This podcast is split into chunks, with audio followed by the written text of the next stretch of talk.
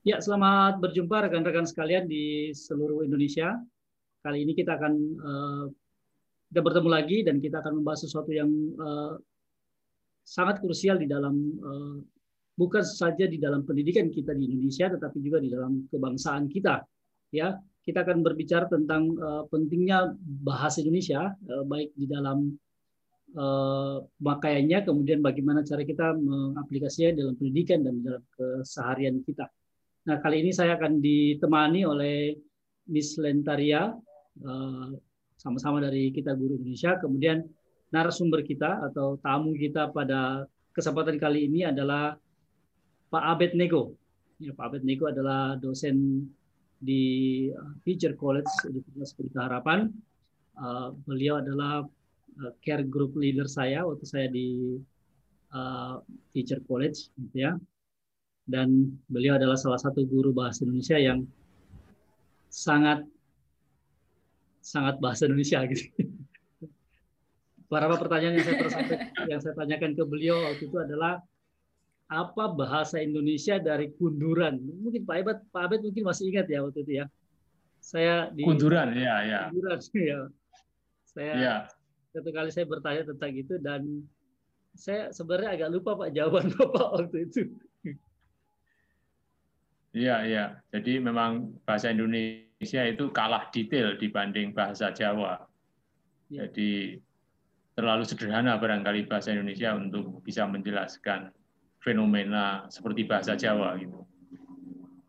Oke. Okay. Uh, ya. Miss Lenta mungkin saya duluan ya. Ya, saya akan bertanya lebih dulu ke Pak Abed. Pak Abed, saya perhatikan uh, Bapak ini penggemar Plus Plus. Oh iya, iya. Ya, gitu. Iya, iya, betul, betul. Tentu, ya. Pertanyaan saya, Pak, kenapa Kus Plus? Karena kalau sejamannya Kus Plus itu kan ada Deloitte, kalau saya nggak salah penyebutannya begitu. Kemudian ada Pambers, Pambers gitu ya, dan beberapa uh, ya. lain yang uh, mirip-mirip lah dengan Kus Plus. Nah, kenapa Kus Plus, Pak? Iya, kenapa Plus Plus ini jawabannya itu sangat panjang sebenarnya.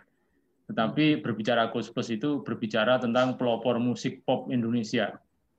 Jadi karena grup ini adalah pelopor, maka uh, dia mewakili fenomena grup band yang ada di Indonesia saat itu.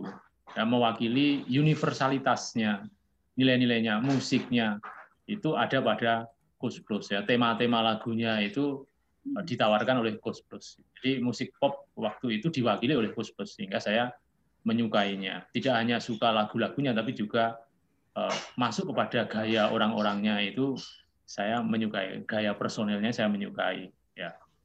Seperti itu. Jadi berbicara Kus Plus adalah berbicara fenomena, berbicara kemungkinan dan lain sebagainya. Lengkap sekali tentang Kus Plus itu ada hubungannya nggak Pak dengan ke, kecintaan Bapak di dalam bahasa Indonesia dengan kus-kus? Iya, ya tentu saja ya. Karena berbicara kus-kus kemudian eh, itu menjadi satu jalan masuk untuk misalnya pembelajaran apresiasi sastra misalnya. Jadi kus plus ini bisa didekati dengan berbagai macam pendekatan karya sastra mau berbicara mengenai pendekatan struktural bisa, pendekatan pragmatik bisa, pendekatan uh, mimetik bisa, sosiologis bisa, bahkan post struktural Derrida itu juga bisa. Jadi Kospes menurut saya bisa menjadi satu wahana bagi jalan masuk untuk pembelajaran sastra misalnya seperti itu tapi juga berbicara tentang konsep kan, konsep keindonesiaan, konsep NKRI, konsep nasionalisme itu ada pada Gus Plus ya. Mencintai orang tua, mencintai guru ya. Ada lagunya itu tentang guru ya, judulnya Pak Guru. Ini kan kemarin Hari Guru itu ada dalam Gus Plus ya. Dalam Kus Bersaudara juga ada judulnya Guru itu ada. Jadi berbicara Kus Plus itu bicara apa pun itu semua ada. Karena lagunya itu ada seribu lagu begitu lebih. Jadi apa pun tema itu disediakan oleh Puspres itu. Ya, Puspres ada bicara kearifan lokal, kearifan Indonesia. Ya. Menarik sih. Gitu ya. Saya dulu sering dengar sih Pak Puspus hanya uh, lebih sering Pambers dibandingkan Puspus kalau di kampung saya ya, gitu ya. Kira-kira begitu. Miss Lenta? Ya, ya. Ya, Pambers, kemudian The Mercies. Ya. Mercies ya. Musiknya terasa lebih megah, musiknya lebih lengkap begitu ya. Kalau Puspus memang polanya pola kesederhanaan itu. Hmm, ya. ya. Kalau saya sendiri tidak paham Pak tentu saja tentang hal ini. Begitu ya. Nanti mungkin setelah ini saya mau mencari tahu juga ya. Ya, ya, ya. Boleh, ya. boleh. Ya. Oke, Pak, mari kita ini ya mendiskusikan tentang uh, kemampuan literasi siswa kita ya. ya. Karena Bapak juga adalah uh, dosen bahasa Indonesia yang sangat cinta bahasa Indonesia dan saya dan Mr. Ismail juga uh, adalah seorang guru ya. Nah, saya melihat dan kita bersama-sama melihat bahwa pemerintah kita ini sudah berusaha untuk meningkatkan kemampuan literasi siswa ya. Salah satu caranya adalah dengan uh, memasukkan muatan literasi pada setiap mata pelajaran. Bagaimana Bapak Abed melihat hal ini dan pokoknya bagaimana pandangan Pak Abed tentang uh, usaha pemerintah ini? Ya, uh, pertama-tama kalau kita melihat misalnya pada kurikulum 2013 itu saya memandang bahwa secara konseptual kurikulum ini bagus sekali. Karena apa? Karena kurikulum 2013 itu sebuah kurikulum dengan suatu pendekatan scientific learning. Nah, scientific learning itu kemudian orientasi adalah orientasinya adalah berpikir secara ilmiah dan nanti akan mengajak siswa itu berada di dalam konteks-konteks tertentu ya. Nah, berpikir ilmiah itu misalnya siswa terlibat di dalam observasi atau mengamati, kemudian bertanya, bereksperimen, kemudian menalar ya, membangun dan mengembangkan jaringan komunikasi. Itu ada di kurikulum 2013. Nah, kemudian uh, uniknya 2013 itu adalah Eh, dia membangun tiga ranah yaitu karakter, menguasai pengetahuan dan penerapannya, dan kemudian mengambil keputusan dengan etika. Ya, jadi pengetahuan, sikap dan keterampilan itu dikembangkan secara proporsi, uh, proporsional, ya, secara seimbang. Nah, keseimbangan antara pengetahuan, sikap, keterampilan itu. Nah, kurikulum itu kurikulum 2013 itu me, apa, mewadahi itu ingin membentuk manusia Indonesia seutuhnya. Nah ini yang yang perlu di e, garis bawahi ya dengan penilaian yang juga terukur ya penilaian proses penilaian autentik ya hasil belajar tidak melulu tes. Nah sehingga secara konseptual kurikulum 2013 ini menurut saya adalah sebuah kurikulum yang Eh, relevan untuk mempersiapkan eh, siswa manusia Indonesia seutuhnya menyongsong eh, peradaban yang akan semakin maju. Nah, nanti pengemasan di dalam setiap mata pelajaran itu berada di dalam teks teks itu. Nah, sehingga setiap mata pelajaran dihadirkan sebuah teks. Nah, mahasiswa siswa itu nanti kemudian berproses mengobservasi teks, mengkaji teks, mengelaborasi teks, ya.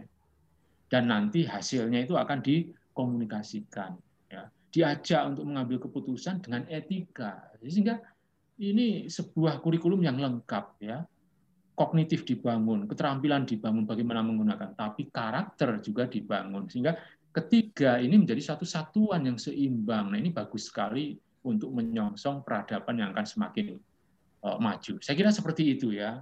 Eh, bahwa akan dituangkan dalam teks-teks ya, berbasis teks itu saya kira suatu upaya yang menurut saya upaya yang pantas kita uh, sambut dengan antusias dan dengan senang gitu gitu uh, Bu Lentera ya seperti itu menurut saya. Ya. Okay. Kalau kalau berbicara tentang uh, literasi Pak Abed, gitu ya, karena kan kalau misalnya kita mengarah kepada pembelajaran yang saintifik, gitu ya, kemudian ada satu uh, ke, budaya, bukan budaya, sebuah kebiasaan di zaman, ya mungkin di zaman sekarang juga bahwa anak itu di, diajak untuk ayo baca buku, gitu. Ya. Nah persoalannya adalah kalau masuk ke dalam uh, begini, masuk ke dalam uh, pembelajaran yang saintifik, kemudian baca buku saja kan uh, ya betul itu satu bagian yang yang saling mendukung. Tapi kan kebanyakan juga yang diprovide oleh orang tua itu bukan bukan bacaan-bacaan yang uh, istilahnya saintifik gitu ya. Misalnya saya nggak bilang novel atau komik itu bukan bacaan yang bagus ya kayak kayak tulisannya Pramudia Anantatur, kemudian uh, tulisan-tulisan Taufik Ismail, kemudian angkatan-angkatan eh, novel-novel yang lain. Nah, ada anak-anak yang suka baca buku ya novel gitu misalnya kayak kalau dari luar kan Harry Potter dan segala macam. Tapi begitu masuk ke dalam teks uh, yang lebih sedikit sedikit ilmiah gitu ya, ya kita bacaan instruksi dan segala macam itu ada kekaburan Pak di dalamnya. Maksudnya bisa ngerti, misalnya kalau baca Harry Potter gitu ya, Harry Potter mereka ngerti ceritanya dari awal sampai terakhir, tujuh buku atau delapan buku. Tapi begitu masuk di instruksi di mata pelajaran, bingung Pak. Kira-kira ada gap apa yang terjadi gitu Pak Abi? Iya, iya. Nah, saya akan berbicara mengenai bahasa Indonesia dulu misalnya ya. ya. Bahasa Indonesia di dalam eh, kurikulum 2013 Nah, pembelajaran bahasa Indonesia di dalam kurikulum 2013 itu adalah berbasis teks. Nah, teks ini harus dipahami bahwa teks itu bukan hanya teks yang tertulis begitu. Hmm. Tapi juga ada teks lisan. Sehingga sumber-sumber belajar itu ya tentunya bukan hanya sekadar teks tertulis, tapi juga bisa memanfaatkan media atau sumber-sumber belajar interaktif misalnya kemudian juga pengembangan eh, media, misalnya teks-teks pidato, teks film kan juga bisa ya, teks drama, teks teater yang eh, itu bisa ditunjukkan atau bisa dipertontonkan misalnya berbasis teks itu bagus sekali karena kemudian anak-anak itu akan dibawa kepada sikap akademis. Nah, anak-anak menghadapi teks. Nah, teks itu apa? Menurut Raffi Jakarias itu yang dikemukakan oleh Bukoni itu sering dikemukakan oleh Bukoni. Itu makanya Raffi Jakarias mengatakan teks is our life. Teks itu kehidupan. Itu. Hmm. Teks itu kehidupan kita. Sehingga menghadapi teks berarti anak-anak menghadapi kehidupan. Bagaimana anak-anak itu merespon kehidupan? Gitu. Ya. Bagaimana merespon masalah kesehatan, masalah seni, olahraga, ekonomi, politik, dan lain sebagainya. Nah, di dalam menghadapi itu, anak harus melakukan satu pengamatan atau observasi. Nah, cara memberikan tanggapan itu harus seperti metode ilmiah, karena ini pendekatannya kan saintifik itu. Iya. Anak dilatih untuk berpikir secara objektif, sehingga nanti ini akan bentuk karakter juga, karakter yang akademis. Sehingga ketika anak merespon suatu fenomena, mereka punya cara yang baik dalam merespon. Eh, secara metodologis, oh urutannya bagaimana, sistematikanya seperti apa, dasar pengambilan pendapat Anda seperti apa. Sehingga nanti semua itu mereka diajar untuk memberikan pemecahan, solusi pemecahan masalah terhadap fenomena itu berdasarkan pemikiran yang objektif, yang akademis, yang terstruktur, yang bisa dipertanggungjawabkan. Nah, itu sebenarnya posisi bahasa Indonesia di dalam kurikulum 2013. Nah, ketika mereka diajak untuk berpikir yang uh, ilmiah, uh, sepertinya ada gap ya, ada gap. Uh, nah, itu harus disadari bahwa karya sastra itu ada bentuk yaitu apresiasi, ada bentuk ekspresi, tapi ada bentuk kajian itu. Jadi bicara sastra harus bicara tiga itu, Nah, mana kegiatan mengkaji, mana kegiatan mengapresiasi, menyukai, menggemari, menikmati, kemudian mengekspresikan. Ya, ekspresi eh, apa? hasil dari apresiasi itu kita ekspresikan, kita musikalisasi, kita bermain teater, drama, dan lain sebagainya. Nah, eh, ketiga ini harusnya juga seimbang. Nah, pertama-tama guru ini harus punya modal pemahaman seperti ini yang harus diberikan juga kepada anak-anak. Menikmati sastra tidak hanya masalah penikmatan saja, tapi juga kita hmm. dilatih untuk mengkaji. Nah, manfaatnya mengkaji itu apa manfaatnya? Berlatih secara kognitif, berlatih untuk memperoleh nilai-nilai yang nantinya bisa disumbangkan bagi masyarakat bagi pembaca. Jadi hasil kajian itu juga nanti bisa disumbangkan kepada orang lain. Sehingga melalui kajian itu orang diperluas tentang nilai-nilai karya sastra yang ada di dalamnya.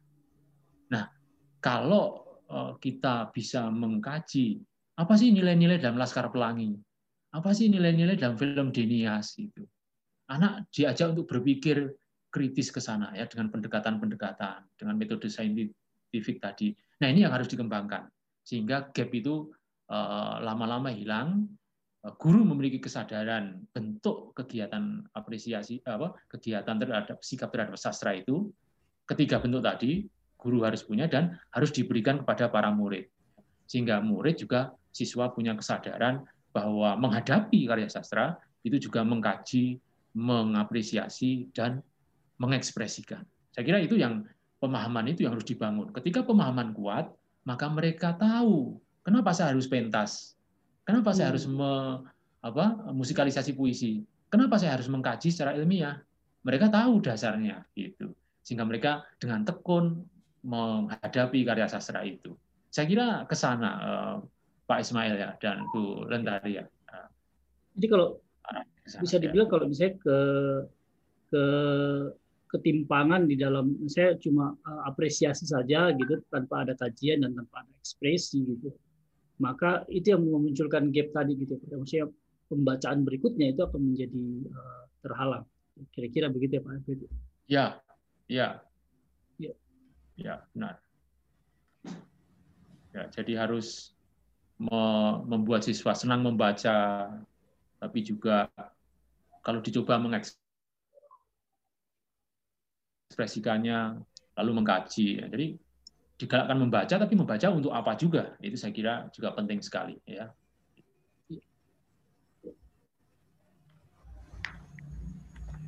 Baik, thank you Pak Abid. Uh, sekarang kita akan berbicara secara spesifik pada kompetensi yang ada pada mata pelajaran bahasa Indonesia ya Pak. Iya, iya. Nah, kalau dalam bahasa Indonesia kan ada muatan-muatan uh, seperti berbagai teks ya Pak ya, seperti teks ya. eksposisi, deskripsi dan lain sebagainya. Ya, ya. Menurut Pak Abed sendiri, seberapa penting untuk mempelajari berbagai teks ini dan memang andilnya seberapa besar dalam kehidupan siswa? Begitu, ya, Pak. ya, ya. Ini ini pertanyaan menarik sekali ya, uh, menarik sekali. Karena apa?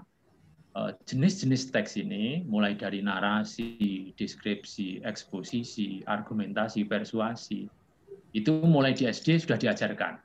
Ya. Di SMP diajarkan, di SMA diajarkan. Ketika saya mengajar di perguruan tinggi, diajarkan lagi. Bahkan di S2 itu, pola pengembangan induksi-deduksi itu masuk dalam kajian filsafat. Gitu. Berarti ada sesuatu yang mendasar di sana. Gitu. Nah, menarik sekali eh, kaitan antara lima jenis karangan itu dengan karya ilmiah. Saya akan eh, mengkaitkan fakta bahwa lima jenis itu berkaitan secara teknis dengan penulisan karya ilmiah. Kalau Pak Ismail dan Bu Lentaria pernah mengerjakan penelitian tindakan kelas, ya di sana ada eh, apa bagian yang harus diceritakan, kondisi yang harus diceritakan, kelasnya seperti apa. Nah, itu kan adalah deskripsi. Ya, jadi karangan deskripsi itu ada di dalam karya ilmiah.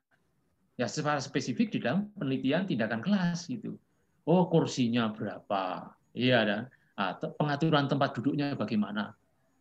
Guru yang melakukan penelitian tindakan kelas harus memberikan gambaran ini sehingga eh, orang yang membaca penelitian itu bisa mendapatkan deskripsi ruang semacam itu. Karena deskripsi ruang itu akan mempengaruhi uh, proses pembelajaran gitu kan? Sampai kalau Pak Ismail dan Bu Lendria itu ingat bagaimana PPL itu kan disuruh membuat denah kelas itu.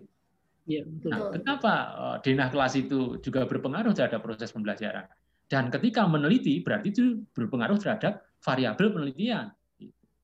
Itu baru karangan deskripsi karangan narasi anda berbicara tentang bagaimana proses pembelajarannya kan begitu. Eh, proses pembelajaran itu ceritanya dari awal sampai akhir seperti apa. Itu berkaitan juga dengan narasi, dengan urutan. Nah, kemudian pada karangan eksposisi, nah karangan eksposisi itu itu sangat banyak di bagian karya ilmiah. Ya.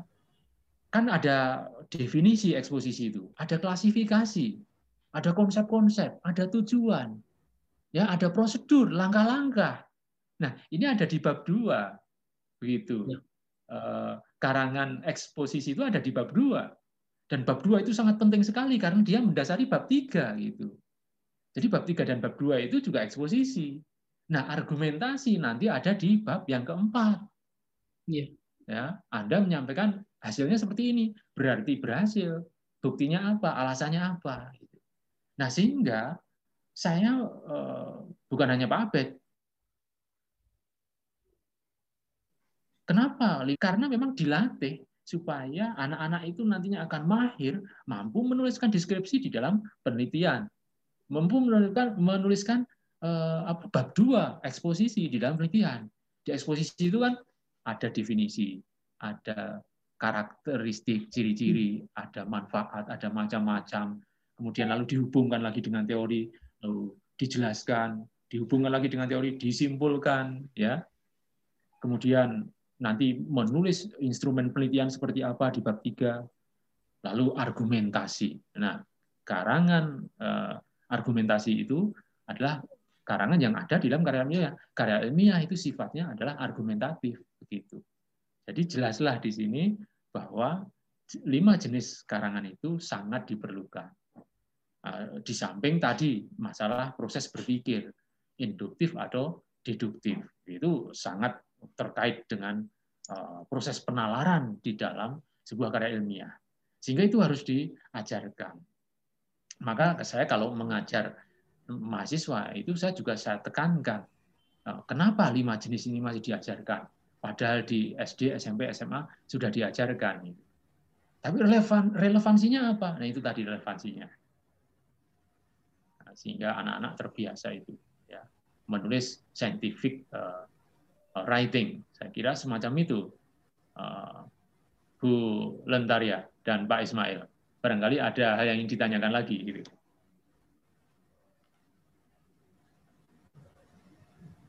Kalau saya sendiri ya Pak, ini bukan pertanyaan, ini kejujuran ya.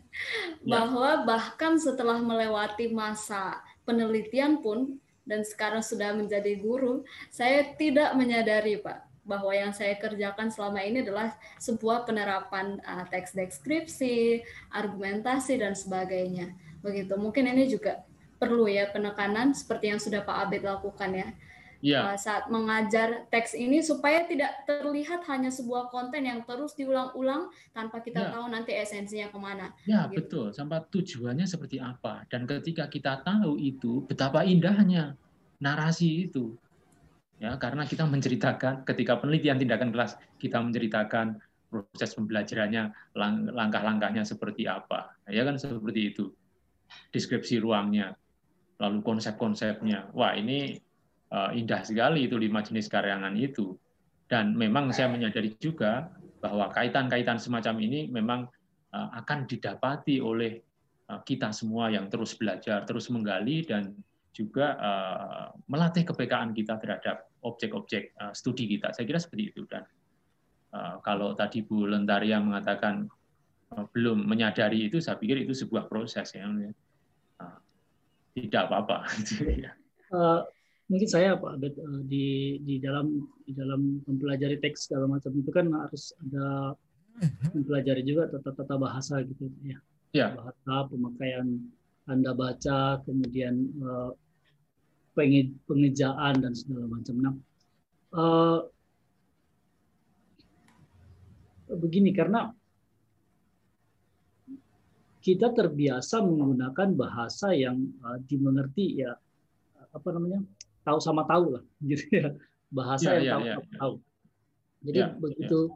begitu bahasa tahu sama tahu itu digunakan di dalam kondisi yang uh, di luar dari grup itu di luar dari grup pembicara yang tahu sama tahu itu makanya menimbulkan sesuatu uh, kebingungan gitu kebingungan bahasa hmm. kebingungan uh, maksud gitu tujuan dari penyampaian nah ini biasanya kan yang ya. disampaikan yang yang banyak terjadi di dalam di dalam bersosial media gitu loh Pak Abed. Misalnya kalau ya. kita baca FB misalnya atau eh, karena FB yang paling banyak tulisannya, kalau Instagram kan ada tapi tidak terlalu banyak. Nah itu kan pemakaian ya. kata misalkan kata di mana gitu ya, di mana terus di, di dan mana dipisah dan segala macam itu kan uh, bagi beberapa orang itu tidak diambil pusing, tapi beberapa orang itu hanya bingung gitu ke mana ke mana ya. gitu ya uh, menyatakan tempat atau menyatakan yang lain gitu ya. Nah itu itu seharusnya sudah masuk di dalam ya. kompetensi berba, kompetensi dasar pak ya di dalam di dalam di dalam bahasa Indonesia gitu ya. Iya, ya. Betul, betul, betul. Karena melihatnya sekarang itu kayaknya kok pada nggak belajar ya, gitu, gitu ya. Banyak sekali yang banyak sekali. ya, ya, ya, ya. Ya, ya. rapi, misalnya rapi hmm. dan rapi itu kan uh, berbeda gitu ya. Uh, ya. Kecuali dengan penekanan-penekanan ya. berbicara misalnya.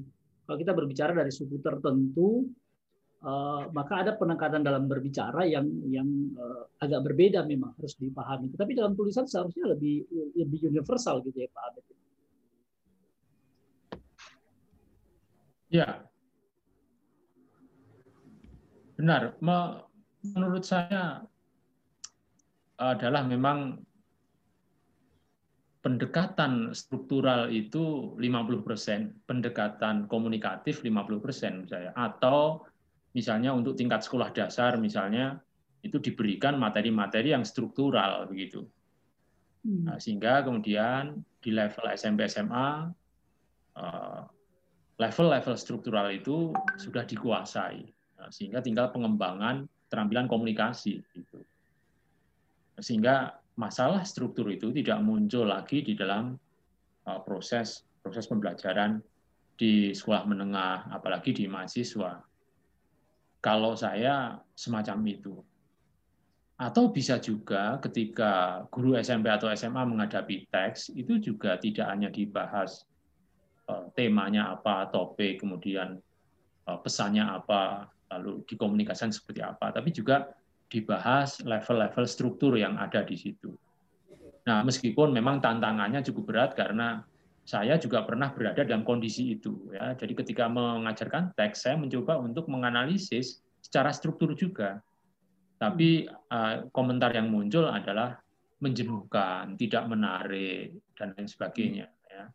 Lalu dibandingkan dengan sekolah lain yang sastranya itu lebih menonjol, uh, lalu kok yang struktur ini tidak menarik? Ya, siapa yang yang apa namanya? Maksud saya Ya memang struktur seperti itu. Kalau mengkaji struktural ya kita akan analitik begitu kan. Berbeda dengan sastra yang penikmatan itu tadi. Jadi memang tantangannya cukup cukup berat. Tapi untuk menghadapi itu menurut saya di level sekolah dasar pendekatan struktural harus diperkuat dulu menurut saya secara pribadi gitu. Gitu Pak, gitu Pak Ismail. Dan eh, kalau kita berbicara masalah tulisan-tulisan kemudian orang lain kebingungan eh, misalnya karya ilmiah ya karya ilmiah itu harus memenuhi kaidah kaidah keilmiahan. Misalnya kalimat-kalimat yang dibangun harus efektif dan lain sebagainya sehingga tidak eh, memunculkan keambiguan iya. penafsiran di sana. Ya. Saya kira demikian Pak Ismail ya thank you Pak.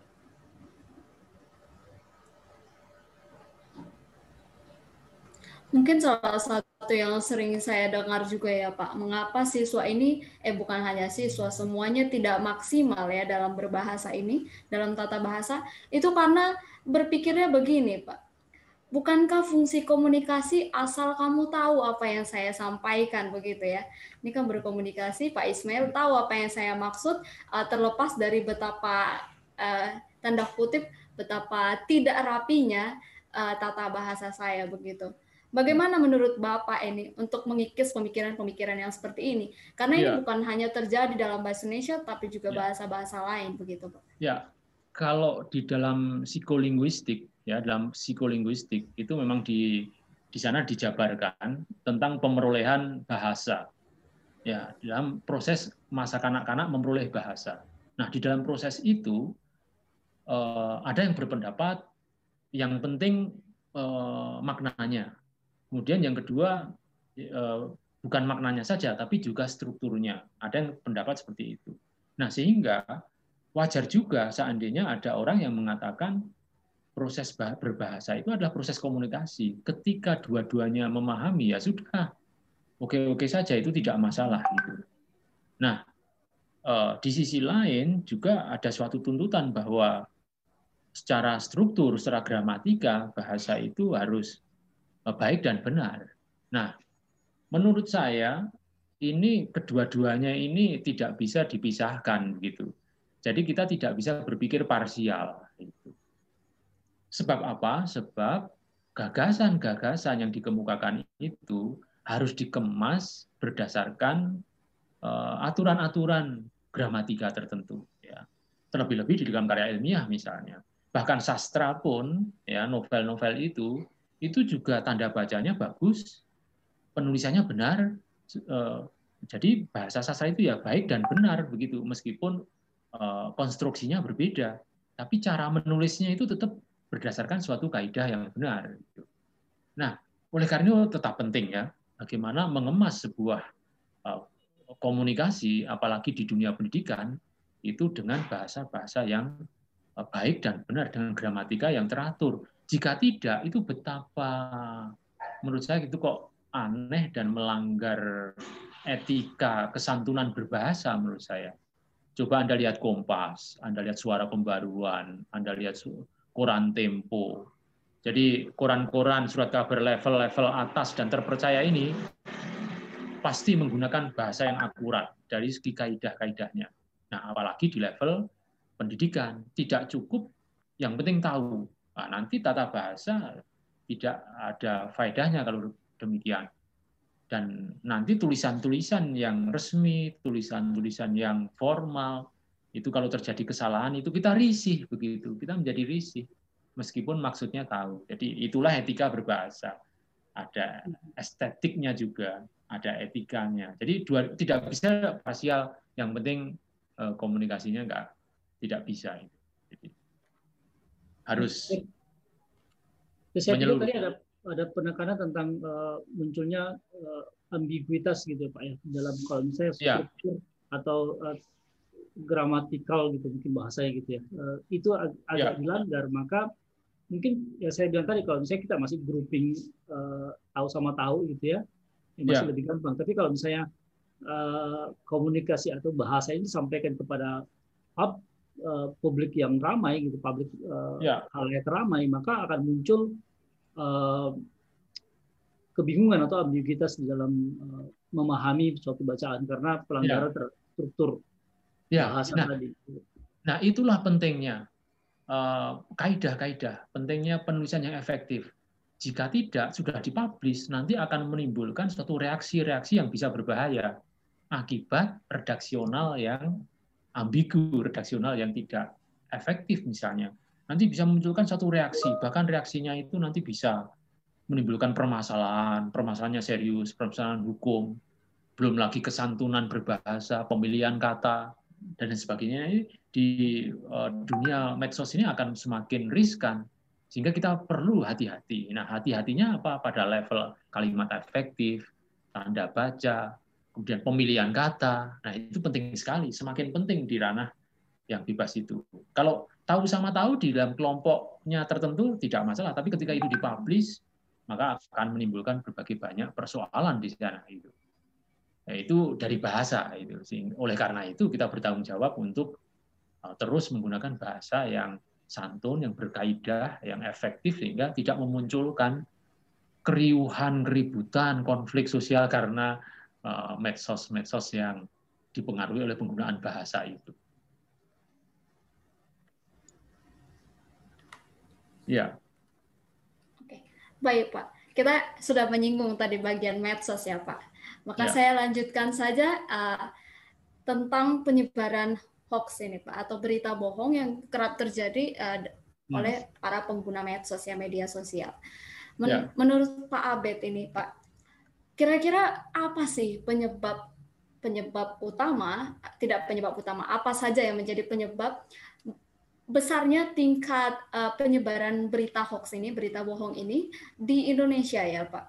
Kira-kira apakah itu terkait erat dengan uh, rendahnya literasi atau pemahaman teksnya uh, kita sebagai bangsa Indonesia dan dari sisi bahasa Indonesia apa peran uh, pengajaran bahasa Indonesia dalam mencegah dan memperbaiki keadaan seperti ini, Pak?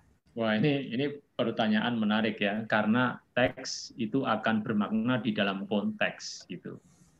Dan ketika kita berhadapan dengan teks, kita perlu cermat. Teks ini berasal dari siapa? Itu. Sebab siapa-siapa yang membangun sebuah realita teks itu sangat dipengaruhi oleh siapa dia. Orangnya itu siapa? Orangnya siapa itu kompleks sekali ya. Dia secara individu pandangan hidupnya seperti apa, pendidikannya seperti apa, filsafat falsafahnya apa. Lalu dia berada di mana? Berada di mana itu membentuk uh, kesiapaan dia. Nah, realita teks di dalam media itu bukan realita yang sesungguhnya, tetapi realita yang sudah dipersepsikan oleh seseorang yang menyusun sebuah teks itu, menyusun pernyataan. Sehingga kita harus hati-hati terhadap teks itu. Sebab teks itu sudah dibuat oleh orang yang membuat dengan pandangan hidup, dengan filsafat, dan siapa dia di balik itu dia berada di mana, di kelompok yang mana. Nah, itu akan mempengaruhi realitas yang dibangun oleh dia itu. Sehingga kita hmm. harus hati-hati terhadap realita teks begitu. Nah, kehati-hatian ini kemudian akan memunculkan sikap untuk eh, kita bisa memilah-milah ini. Ini benar atau tidak, ini bahaya atau tidak, ini membangun atau tidak, begitu. Nah, buku pelajaran itu juga sebuah realita itu. Buku paket itu sebuah realita. Siapa yang menyusun buku paket itu? Ya, penerbit siapa? Orang-orangnya siapa? Nah, sehingga mungkin punya kepentingan, punya visi misi tertentu atas sebuah teks itu dalam membangun dalam membangun sebuah realita. Nah, oleh karena itu analisis eh, teks, analisis wacana, analisis terhadap eh, berita-berita yang ada itu kita perlu memberikan suatu eh, kita perlu eh, itu tadi ada sikap yang harus hati-hati eh, terhadap realita teks. Sehingga dengan sikap hati-hati kita bisa akan menilai secara objektif teks itu bagaimana posisinya. Ini membangun atau tidak konstruktif atau tidak. Nah, kenapa banyak hoax? Siapa yang membuat hoax itu? Karena mereka punya persepsi terhadap sebuah realita dan punya visi ya melalui hoax melalui berita. Jadi berita itu sudah menjadi sebuah realita baru yang dibentuk oleh orang itu. Nah ini kita perlu hati-hati di sana. Itu,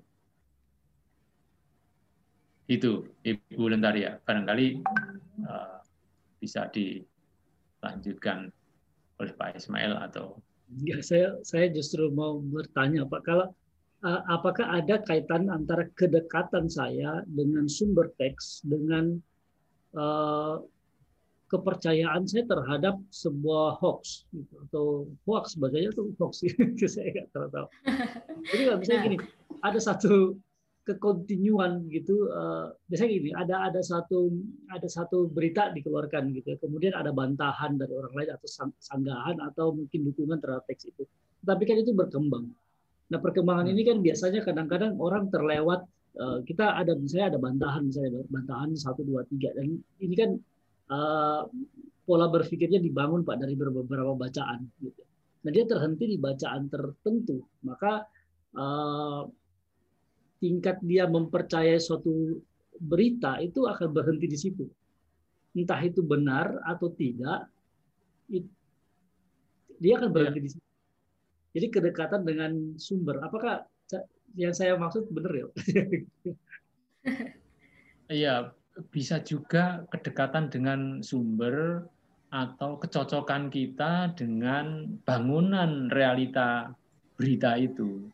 Ketika kita sepaham, ya berarti kita setuju, maka kita akan berhenti di situ. Nah, oleh karena itu, Detikkom, Kompaskom, kemudian tribun itu ya menawarkan berbagai macam cara memberitakan. Nah nanti orang itu pasti akan punya kecenderungan ke mana. Gitu. Tetapi masyarakat secara umum itu akan bisa melihat kok mana yang objektif dan mana yang tidak itu akan bisa melihat. Tapi kita berhenti di mana itu juga dipengaruhi oleh uh, kedekatan uh, visi, ke, kecocokan ya berarti kedekatan itu kecocokan, kecocokan visi, misi, sikap, pandangan, posisi berita itu atau apa ya, ya posisi berita itu. Hmm, ide pokok berita itu, gagasan pokoknya di mana, posisinya di mana. Nah, saya kira itu akan menentukan sekali kita akan bagaimana dan kita akan berhenti di mana. Ya. Ya, jadi lebih dekat kepada kecocokan berpikir Pak ya dibandingkan uh, sumber kedekatan sumber gitu. Keterjangkauan ya, keterjangkauan sumber. Betul, betul. Nah, kecocokan itu juga saya kira dipengaruhi oleh ini ini ini benar atau tidak, ini objektif atau tidak. Saya kira secara umum akan seperti itu. Ya, begitu. Oke, baik Pak. Pas sekarang kita mau membicarakan tentang kecintaan ini ya Pak. Kecintaan ya. generasi sekarang terhadap bahasa Indonesia Pak. Ya, Kalau ya. saya sendiri mengamati ya Pak, kecintaan ini begitu uh, turun ya dalam uh, generasi-generasi saat ini.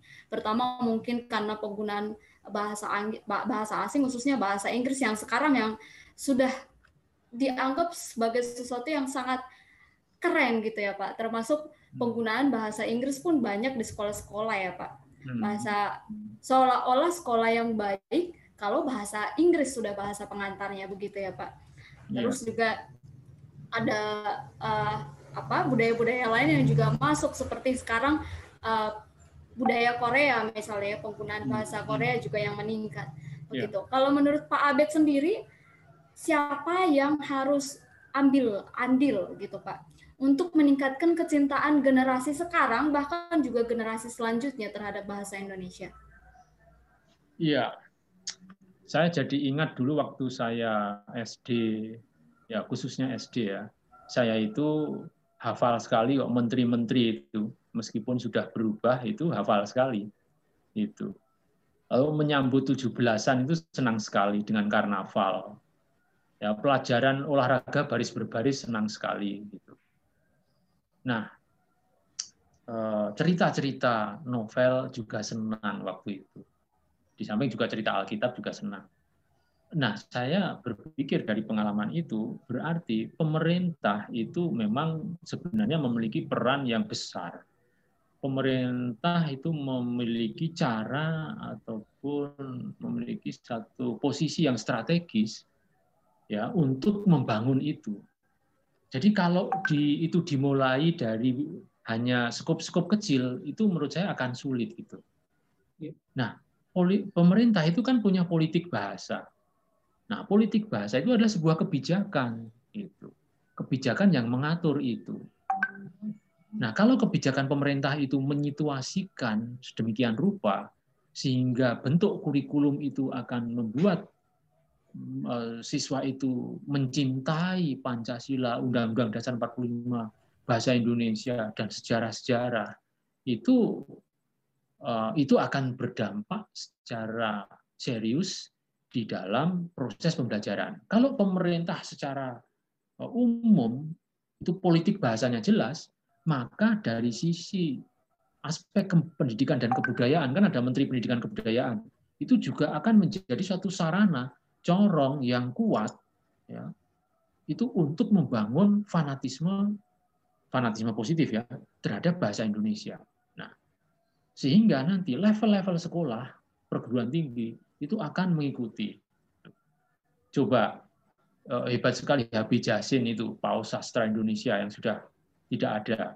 Kok bisa ya dikenal mulai dari guru TK sampai dosen. Siapa yang tidak kenal Habib Jasin waktu itu? Nah, itu suatu situasi yang membuat eh, pemerintah punya politik bahasa, punya cara, maksud saya, strategi untuk membangun itu. Nah, sehingga dengan demikian, menurut saya, pemerintah ini level secara tinggi dulu, dimulai dari atas dulu ke bawah.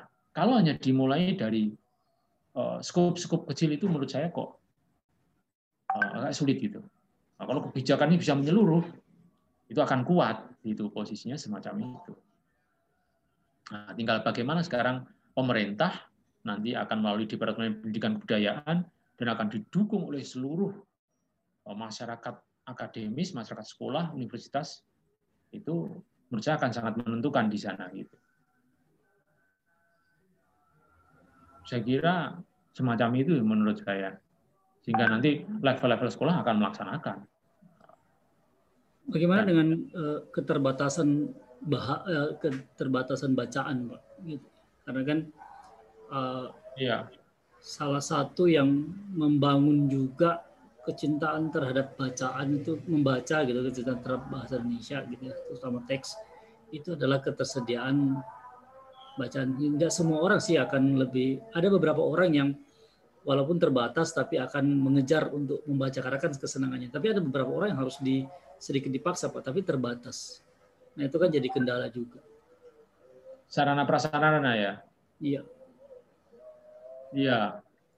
Oh, nah itu ya. Ya jadi kalau dulu itu dengan adanya perkembangan sastra di Indonesia itu kok sampai kemudian ada juga bunga rampai ataupun buku-buku ringkasan cerita salah asuhan, Siti Nurbaya, tenggelamnya kapal Van der Weijs, namaku Hiroko, belenggu, kemudian eh, sampai karya-karya berikutnya itu kok bisa memasyarakat ya. Karena memang pada waktu itu eh, ada sekelompok orang ataupun memang eh, ada kritikus yang memang setia kepada Eh, panggilan sastranya misalnya. Ya salah satunya contoh misalnya Habib Yasin misalnya. Tapi artinya karya sastra karya sastra itu kok kemudian sangat dikenal begitu. Nah, setelah itu era era 80 ke sana ke sini ya sekarang itu memang eh, banyak karya hebat ya. Tapi kenapa ya gemanya itu tidak seperti waktu itu itu yang pertama. Nah, kalau gemanya itu seperti itu, itu akan positif bagi daya baca masyarakat terhadap novel, terhadap karya sastra. Nah, eh, mengenai keterbatasan, sebenarnya sekarang era medsos itu sudah mengeliminasi keterbatasan sebenarnya, keterbatasan bacaan. Sehingga kalau sarananya kurang, sebenarnya bisa dibantu dengan media, media sosial, internet itu bisa sangat membantu eh, apa guru-guru dalam Misalnya semacam itu. Sehingga eh, kalau dikatakan hambatan sarana prasarana sebenarnya ya sebenarnya bisa masih di, bisa diatasi dengan media sosial yang ada itu. Ya, meskipun memang eh, pemerataan buku-buku bacaan memang harus digerakkan ya, jangan sampai ada sekolah-sekolah yang tidak punya bahan-bahan bacaan dan sebagainya dan lagi-lagi memang pemerintah juga bertanggung turut uh, turut uh, harusnya bertanggung jawab untuk mem, apa, memperbanyak buku-buku bacaan bagi sekolah-sekolah. Dulu kan ada so SD Impress ya segala macam. Ya, ada sekolah-sekolah yang juga mendapat bantuan buku-buku dari uh, pemerintah misalnya. Hmm. Ya, saya kira itu harus dibangun, harus dibangun. Nah, sekarang ini justru banyak penerbit, menerbitkan buku gampang. Nah, mestinya sih uh, sebenarnya tidak ada alasan untuk itu sebenarnya. Tinggal kita yang lemah itu kan diimplementasi ya. Lemahnya itu dalam implementasi itu. Uh, orang timur itu kalau sudah bicara konsep-konsep itu senang sekali, tapi implementasinya itu kadang-kadang terhenti gitu. Orang timur kan begitu. Orang timur itu dibuai oleh apa? Oleh falsafah-falsafah, oleh filsafat. Nah, akibatnya pelaksanaannya itu ya nanti dulu alon-alon nanti kan kelakon. Boten kelakon. Boten kelakon. Ranah ranah pelaksanaan itulah yang harusnya lebih giat gitu. Karena sudah ada, sudah banyak penerbit banyak, siapa pun bisa menerbitkan buku, buku yang murah juga banyak. Jadi tinggal bagaimana kita melaksanakan. Pak, mungkin informasi Pak, uh, Miss Lenta ini baru juga uh, membuat buku Pak Oh iya iya iya ya. Wah, selamat. Pelangi pelangi pendidikan apa Miss dulunya? Pelangi dalam pendidikan kita. Pelangi dalam pendidikan. Oh, bagus nanti, bagus, Pak. Nanti saya nanti saya kirim filenya, Pak, karena kan masih dalam bentuk PDF. Oh iya, ya.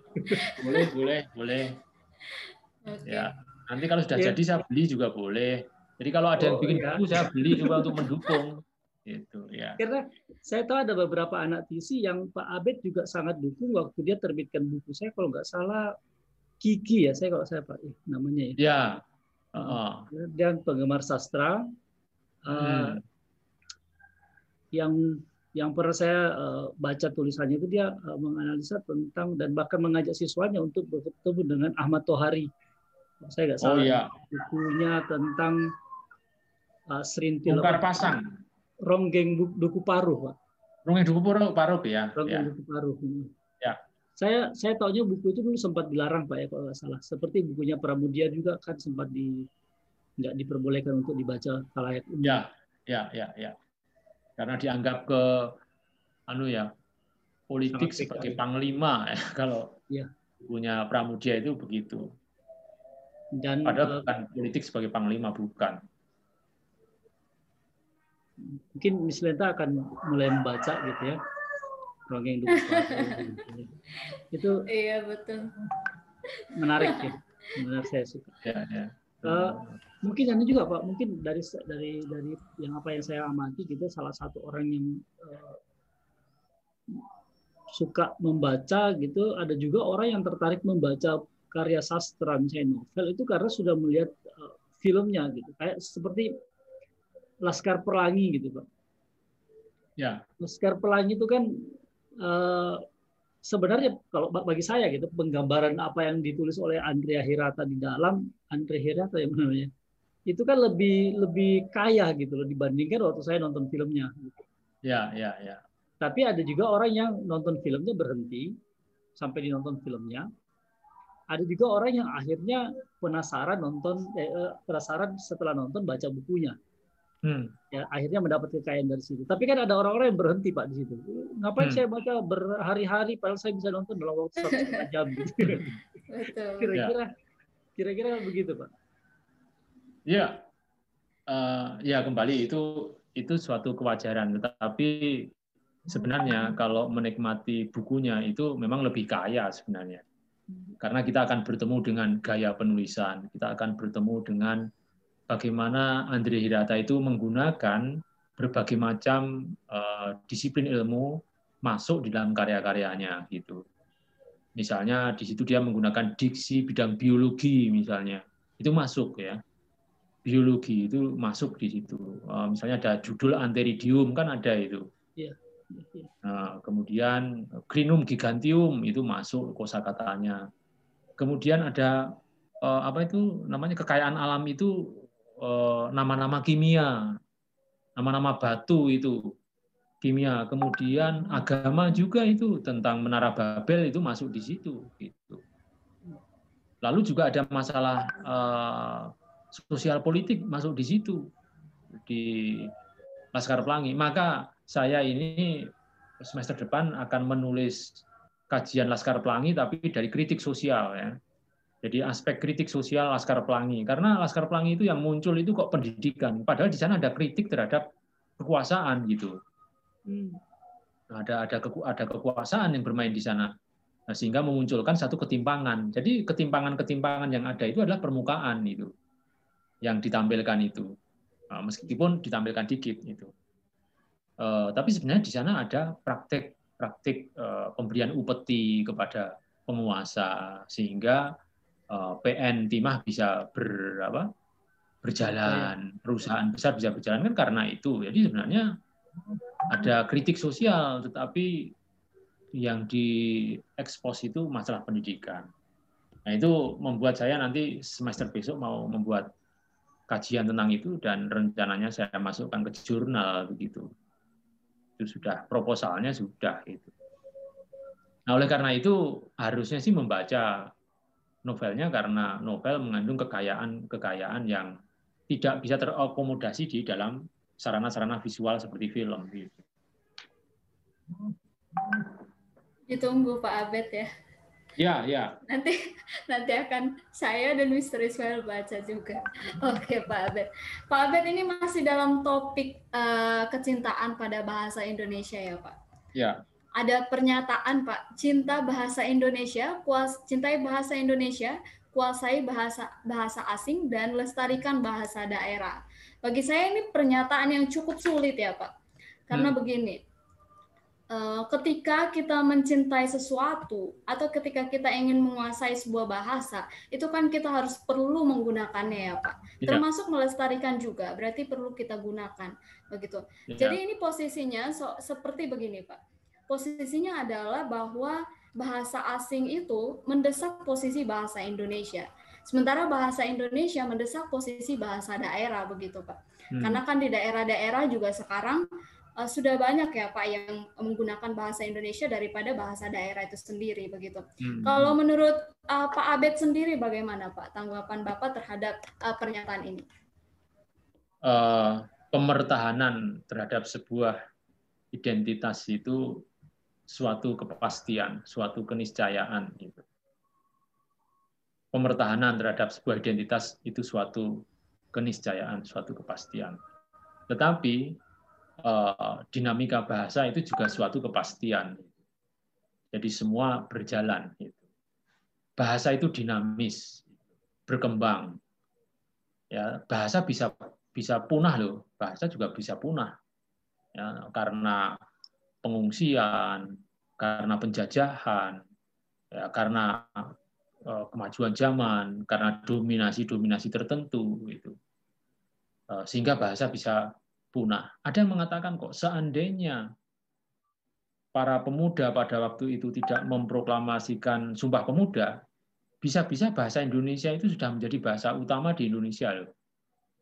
Itu. Ada yang mengatakan seperti itu. Nah, buktinya juga kakek nenek saya itu pinter bahasa Belanda begitu. Hmm. Tapi karena ada ada Sumpah Pemuda dan dilanjutkan oleh upaya pemerintah eh, sejalan dengan apa namanya kemerdekaan, jati diri, identitas, terbentuknya negara, maka bahasa Indonesia kokoh gitu. Bahasa Indonesia menjadi kokoh. Nah, kemudian yang perlu disadari juga bahwa sifat bahasa yang berkembang itu kan dipengaruhi oleh situasi. Kalau Korea dan Cina itu menguasai ekonomi Asia misalnya dan kebergantungan terhadap negara itu besar, lalu lintas ekonomi, lalu lintas pekerjaan, ya jangan-jangan nanti ya, itu bahasa Mandarin akan menjadi bahasa utama misalnya, kan itu juga sesuatu yang mungkin sekali gitu. Nah oleh karena itu pemertahanan bahasa itu perlu karena eh, identitas bahasa itu juga identitas budaya ya jati diri. Nah jati diri itu perlu di dimiliki oleh suatu bangsa sebab bangsa kan pengen eksis gitu loh jadi uh, sebu, uh, realita dengan bahasa itu kaitannya sangat erat gitu. jadi bahasa dengan realita itu sangat erat nah, sehingga pempertahanan bahasa itu juga pempertahanan realita gitu. dan nanti kalau kita sudah tidak cinta bahasa Indonesia jangan-jangan tentang adanya Indonesia itu akan tergerus lama-lama misalnya Nah, sehingga ada istilah lestarikan bahasa daerah. Lestarikan bahasa daerah itu juga suatu sikap kearifan yang bagus ya. Karena ada nilai-nilai, ada peradaban nilai-nilai daerah yang bisa menyokong keindonesiaan. Indonesia juga oh, sebagai sebuah kesatuan entitas, kesatuan realita itu perlu dipertahankan. Bahasa perlu dipertahankan untuk menyokong realitas itu. Nah, bahasa Inggris, bahasa asing juga perlu sebab kita realitas itu kita tidak sendiri bersama dengan realitas yang lain. Nah, di dalam rangka berjejaring, bertemali dengan realitas yang lain itu perlu bahasa apa? Bahasa asing, bahasa Inggris misalnya. Nah, perlu kita kuasai. Sebab itu juga akan mendukung realitas kita. Jadi memang kehidupan kita itu tidak bisa sendiri. Kita tidak bisa melakukan sendiri. Pak Abed tidak bisa sendiri. Bangsa Indonesia juga tidak bisa sendiri. Nah, adanya ketemalian ketemalian unsur internasional, unsur nasional, dan unsur daerah ini membuat posisi-posisi bahasa ini perlu menjadi perhatian kita. Gitu. Kalau tidak, itu juga akan bahaya terhadap realita yang namanya Indonesia misalnya. Kedaerahan akan mensupport kita. Nilai-nilai kedaerahan itu mensupport kita. Barangkali nilai-nilai gotong royong, nilai kesepasrahan itu dari Jawa misalnya. Tapi nilai keberanian berasal dari barangkali dari Batak, barangkali berasal dari Manado misalnya. Nah, sehingga itu menyokong realitas yang lebih besar yang namanya Indonesia misalnya. Tapi Indonesia juga didukung oleh faktor realita yang lain. Nah, sehingga ini bertemali ya, eh, Lentaria. Jadi saya sepakat dengan tiga hal itu. Kalau lihat dari pernyataan itu Pak, Miss Lentaria itu sudah mengikuti itu Pak.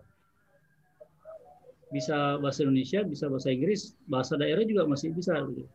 Benar ya Miss Lentaria? uh, yeah. Tetapi begini loh, uh, yang saya yang saya rasakan sendiri, ketika saya ingin menguasai bahasa asing seolah-olah uh, bukan seolah-olah pada faktanya kemampuan bahasa Indonesia saya ini juga berkurang. Dan karena saya tinggal di Surabaya misalnya jadi uh, apa kemampuan berbahasa daerah saya juga berkurang begitu.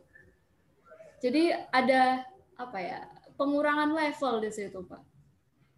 Iya iya. Apakah iya apakah mungkin untuk menjalankan ketiga hal ini gitu loh pak secara bersamaan Nah, gini, secara alamiah, secara alamiah pasti ada yang yang terdegradasi secara alamiah itu.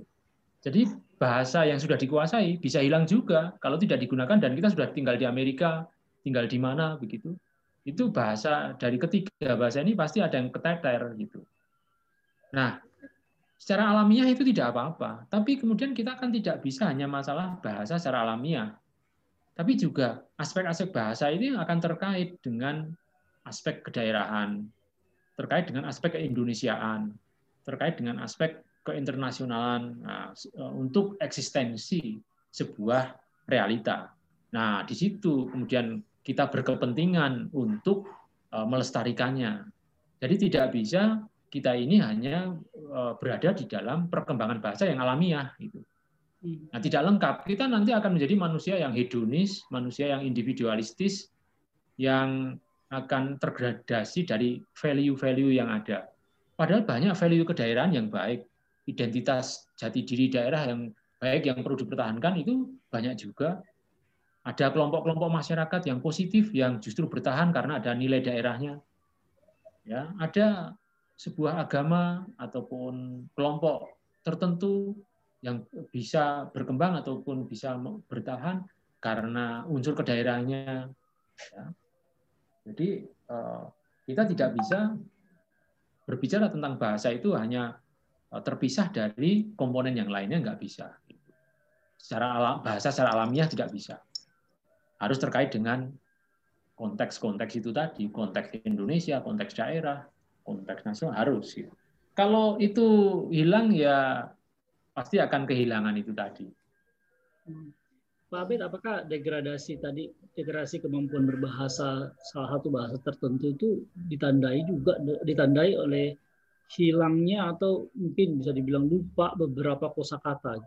Iya, ya tentu karena apa frekuensi penggunaannya, intensitas penggunaannya sudah tidak digunakan lagi, maka akan menjadi lupa, akan menjadi ya tidak digunakan lagi dan lain sebagainya yang akhirnya semakin uh, tahun berganti waktu berganti akhirnya yang terbentuk adalah hanya satu bahasa yang dikuasai misalnya.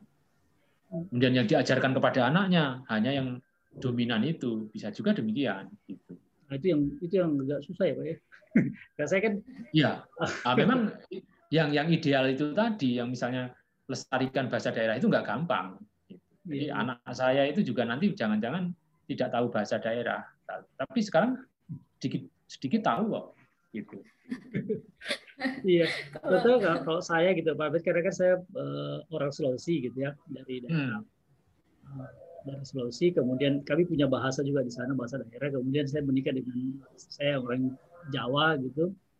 Nah yang sekarang bingung kan anaknya ini mau berbahasa daerah apa gitu. ya, ya tapi memang kemungkinan besar bahasa Jawa karena kan kami tinggal di Jawa. Jadi, ya. Artinya ada satu bahasa yang tidak diturunkan gitu ke generasi berikutnya, paling nggak oleh saya gitu ya, karena kan uh, ya. si apa lokasi dan segala macam. Uh, tidak apa-apa kok di dalam waktu yang bersamaan itu misalnya belajar dua bahasa itu tidak apa-apa. Lalu oh, setelah gitu, dua bahasa dikuasai lalu belajar lagi itu tidak apa-apa. Jadi anak-anak pada umur usia uh, usia empat tahun, lima tahun ya, pada masa SD itu di uh, diajarkan beberapa dua bahasa, tiga bahasa, sebenarnya ya tidak apa-apa. Ya. Uh, sehingga mereka mampu berbahasa kedua-duanya misalnya atau ketiganya misalnya itu nggak masalah gitu. Saya saya takut malah kebingungan pak nanti mereka bingung terus campur-campur gitu. Terus nanti mereka campur-campur yang bingung sekitar gitu.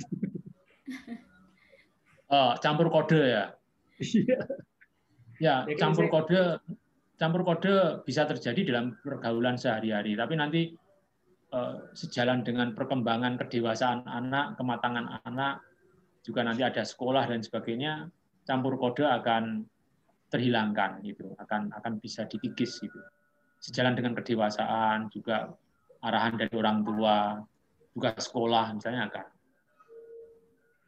ya. akan campur kode bisa terjadi tapi tidak dominan lah misalnya seperti itu. Mungkin terkait dari pertanyaan terakhir mungkin Miss Lenta ya masalah masalah generasi muda gitu dengan maksudnya budaya populer. Um, apa jalan masuk yang bisa kita lakukan ke generasi muda untuk mereka mencintai bahasa Indonesia ini? Iya, jalan masuk untuk mencintai bahasa Indonesia ya. Uh, yang terjadi memang misalnya di SMA saya dulu itu masuk jurusan bahasa Indonesia misalnya, misalnya itu, wah itu tidak keren dan lain sebagainya. Masuk sastra Indonesia tidak keren misalnya. Tapi ketika kita sudah tahu ya bahwa belajar bahasa itu juga belajar filsafat misalnya, eh, itu membuat kok saya itu malah senang belajar bahasa Indonesia itu dan sastra Indonesia juga senang dan menurut saya bisa dijiwai, bisa dihidupi. Sehingga memang lagi-lagi kita itu harus membangun sebuah konsep itu yang matang, menggali, menggali kebanggaan bahasa Indonesia, ya, menggali tentang keindonesiaan, ya melalui macam-macam, ya melalui eh, apa namanya karya sastra misalnya, untuk mencintai apa-apa yang ada di Indonesia itu.